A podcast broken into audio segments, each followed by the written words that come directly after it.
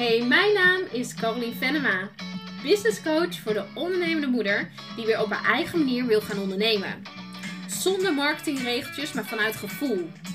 Helemaal jezelf kan zijn en alles zeggen wat je wil. Zodat je vanuit verbinding en vertrouwen een hele toffe business kan gaan opbouwen. Hey, veel luisterplezier! Je luistert nu een podcast van de Podcast Challenge van september. Deze challenge die start bij podcast nummer 130. Ik ga 30 dagen lang podcasten. Ik deel de herkenbare struggles, de ervaringen en de inzichten over het leven als ondernemende moeder.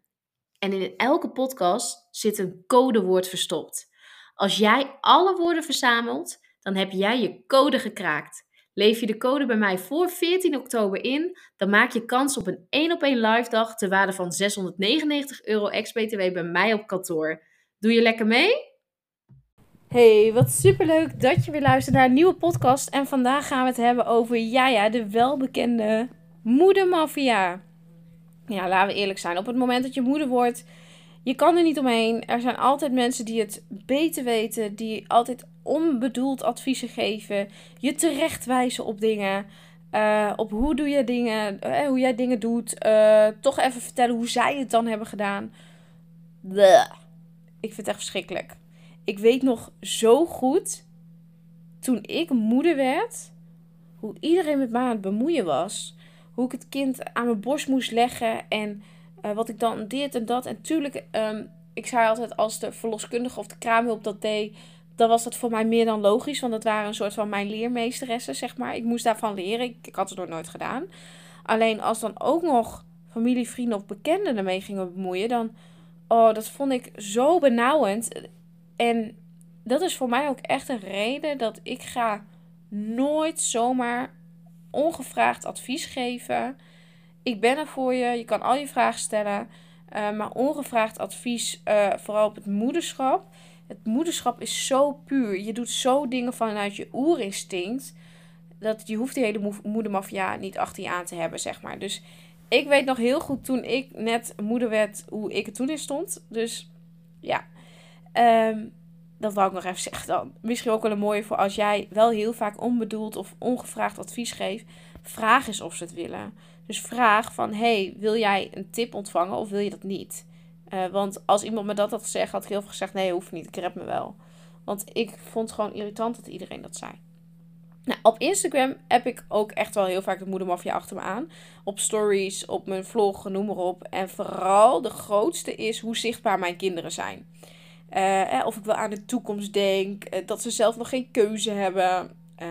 Ja, zulke opmerkingen. En voor mij is het echt wel een lange keuze geweest. We hebben de eerste drie jaar van Wesley hebben we hem nooit echt herkenbaar in beeld gedaan. En ik vond het eigenlijk altijd wel zonde. Want we hadden dan heel veel beelden, maar waar de kinderen dan niet echt op stonden. Terwijl ze wel onderdeel van ons gezin zijn. En in het begin deed ik het dus ook niet.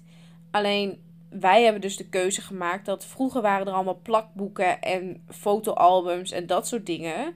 En nu heb je gewoon heel veel video's. En doordat ik toen ook zei tegen mijn partner van ja, ik wil heel graag gaan vloggen, zodat we een soort van online, online altijd ons leven terug kunnen zien. Uh, ja, ik vind het echt geweldig om te doen. En de kinderen ook. En zolang, zodra hun iets aangeven wat ze niet op de video willen hebben, edit ik het er ook uit. Dus ik hou altijd rekening met als ze wel hun grens aangeven. En uh, ik vind dat heel mooi om dat gewoon te bewaren als gezin zijnde. Dat wij altijd nog hele mooie beelden hebben. Kijk, stel je voor, als ik volgend jaar kom te overlijden, dan hebben ze wel echte beelden van hoe ik als moeder was. Dat, zo kan je het ook omdraaien. En hoe ons gezinsdynamiek was toen ik er nog was, bijvoorbeeld. En dat zijn dingen waar je ook over na kan denken. Van ja, je kan je kinderen wel helemaal verborgen houden. En natuurlijk, ik vind bedrijf technisch, snap ik het wel, zeg maar. Dat sommigen zetten het ook echt wel in als uh, soort marketingmagneet. Nou, dat heb ik niet. Ik vind het geweldig met de kids. Ik vind het leuk om ze af en toe in de vlog te laten zien en wat ze doen. Maar dat is ook echt ons online soort van familiealbum. Ik houd ook echt wel rekening met de privacy. Uh, ik deel niet hun meest gênante moment of zo. Um, en ze hebben altijd bij mij nog een keuze als ze dat al kunnen aangeven. Dus mocht hij over een jaar of twee jaar zeggen: Mam, ik wil er niet op, dan respecteer en accepteer ik dat ook.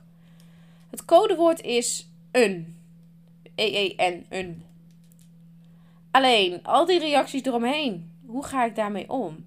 Nou, eigenlijk heel simpels. Die reacties die raken mij niet meer. Eerder wel, maar nu niet meer. Uh, ik weet dat die reactie komt namelijk uit de referentiekader van een ander. Dus hoe die andere referentiekader houdt in je opvoeding, de dingen die je mee hebt gekregen, uh, je ervaringen die je hebt in je leven. Vanuit die emotie reageert iemand. Dus stel je voor, jij vindt dat kinderen absoluut niet in beeld mogen. Dat is een overtuiging van jou. En dat is dus ook van jou. En daar hoef ik niks mee. En dat klinkt heel hard, maar zo is het wel. Alle reacties die uh, maar uh, ja, negatief. Ik heb niet zoveel met negatief. Maar alle reacties die ik krijg waar vaak een onbedoeld advies in zit. Of waarin hun mening zit. Ja, dat is dus echt van jou. En doordat ik er zo naar kan kijken, raakt het mij niet. Maar eerder raakt het me wel. En dat heeft. En ik weet dat heel veel moeders zulke opmerking ook raakt. En dat heeft dus te maken met je eigen waarde. Jouw zelfvertrouwen, je zelfbeeld, die laat je dan afhangen van wat een ander ervan vindt. En zo'n moedermafia-opmerking, die raakt jou dan in jouw moederhart. In jouw, eigenlijk je moederziel. En als jij dat toelaat, dan raakt het dus eigenlijk op jouw zelfvertrouwen, waardoor je onzeker wordt. En als je op die manier in het leven staat, dus dat elke keer jij wordt geraakt, dan heb je dus een lage eigenwaarde. Dus heb je zelf een laag zelfbeeld, uh, ja, bijna geen zelfvertrouwen, dat stuk. En dan ben jij heel kwetsbaar om geraakt te worden door die opmerkingen. En ik zie altijd een aantal gedragspatronen. Dat zijn mensen die er vol tegen ingaan, dus die in discussie gaan. Uh, je ziet ook vaak uh, de verdediging. Nou, eigenlijk wat ik net heb gedaan over het vlog, dat is eigenlijk een verdediging iets. Maar ik deel het ook om je de andere kijk te laten zien waarom wij die keuze maken. Maar niet omdat ik vind dat ik dat moet delen. Maar ik weet wel dat ik de meeste reacties altijd krijg op het zichtbaar zijn van mijn kinderen. Um, maar het raakt mij niet als persoon dat jij daar wat van vindt. Dat boeit me echt helemaal niks. En um, als je dat wel hebt, dus als jij wel het raakt dat je moeder, je vriendin of een bekende daar iets over zegt en iets van vindt dan weet je dat je, je kan zeggen, want heel vaak zie ik dat ze dan zeggen, ja, hun moeten dat niet meer zeggen, ze moeten daarmee stoppen. En houd toch op met die vervelende opmerkingen. Of nee, iedereen blijft dat toch wel doen. Waar jij je werk in hebt te doen, is dat je zelf een lage eigenwaarde hebt en dat je dus zelf het eigenlijk zelf toelaat dat mensen jou erop kunnen raken. Jij laat toe dat jij op je eigen zelfvertrouwen, je eigen zelfbeeld, je eigen waarde wordt geraakt omdat je zelf nog niet hebt geleerd hoe je je eigen waarde uit jezelf kan halen. En dat je daar niemand anders voor nodig bent. Dus als jij dit herkent als patroon en als jij weet dat dit dus vaker bij je gebeurt, stuur mij gerust een berichtje. Want dit is precies wat ik in mijn coaching heel erg hard aanpak omdat als je kijkt naar het ondernemerschap, je krijgt altijd meningen over je heen. En als jij dat jou laat raken, dan word jij dus onzeker als ondernemer. En dan gaat jouw bedrijf dus niet lopen. Of niet lopen zoals jij wil. Dus jouw werk, wat je hebt te doen, zit dus in uh, je eigen waarde en niet in een ander. Het, het ombuigen van die mening heeft ook gezin. Ik zie ook heel veel mensen die dan met die meningen, ja, is dat dan wel echt waar? Hè? Um, of um, ja, ze bedoelt het zo, maar eigenlijk bedoelt ze dat er liefde achter zit of wat dan. Nee, jij laat het jou raken. Dus het werk is niet bij een ander te doen. Het werk heb je zelf te doen dat jij daar niet meer op wordt geraakt. Dus die welbekende moedermafia, ik geloof dat die altijd zal blijven. Ik geloof dat we die niet uit kunnen schakelen. Behalve als we met meer vrouwen op gaan staan. En gewoon gaan zeggen: Yo, hallo, hou lekker die goed bedoelde adviezen lekker voor jezelf. Dat kunnen we altijd zeggen. Maar mensen doen het heel vaak onbewust. Onbewust en vaak ook uit liefde, tuurlijk.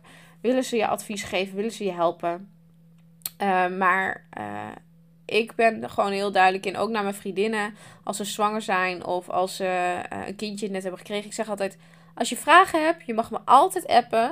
Ik zeg maar, ik ga je geen goed bedoelde, bedoelde zomaar adviezen geven. Ik doe dat niet. Uh, maar als jij wil weten welke fles we hebben gebruikt, dan wil ik het gerust delen. Of als je wil weten, weet ik veel, welke spenen was. Weet je, zulke dingen, prima. Maar ehm, ik ga jou niet onbedoeld advies geven. Weet je, als je kindje heel erg huilt en je weet het niet meer als ouder, dan is het aan jou om hulp te vragen. En dan heb je echt geen zin in dat de ene zegt: Oh, je moet dit doen met je kind. Of je moet dat doen met je kind. Nee, want dan ga je alleen maar lopen experimenteren. En luister je niet meer naar je eigen gevoel. Dan ben je niet meer aan het moederschappen, zeg maar, vanuit je intuïtie. Maar dan doe je wat een ander zegt. En dat is niet waarin ik geloof hoe jij als moeder op de wereld wil staan. Nou, dankjewel weer voor het luisteren naar deze podcast. Morgen weer een nieuwe podcast. Als het goed is, heb ik codewoord heb ik al gedeeld. Ja, volgens mij wel. Uh, en um, dan wil ik zeggen, tot morgen!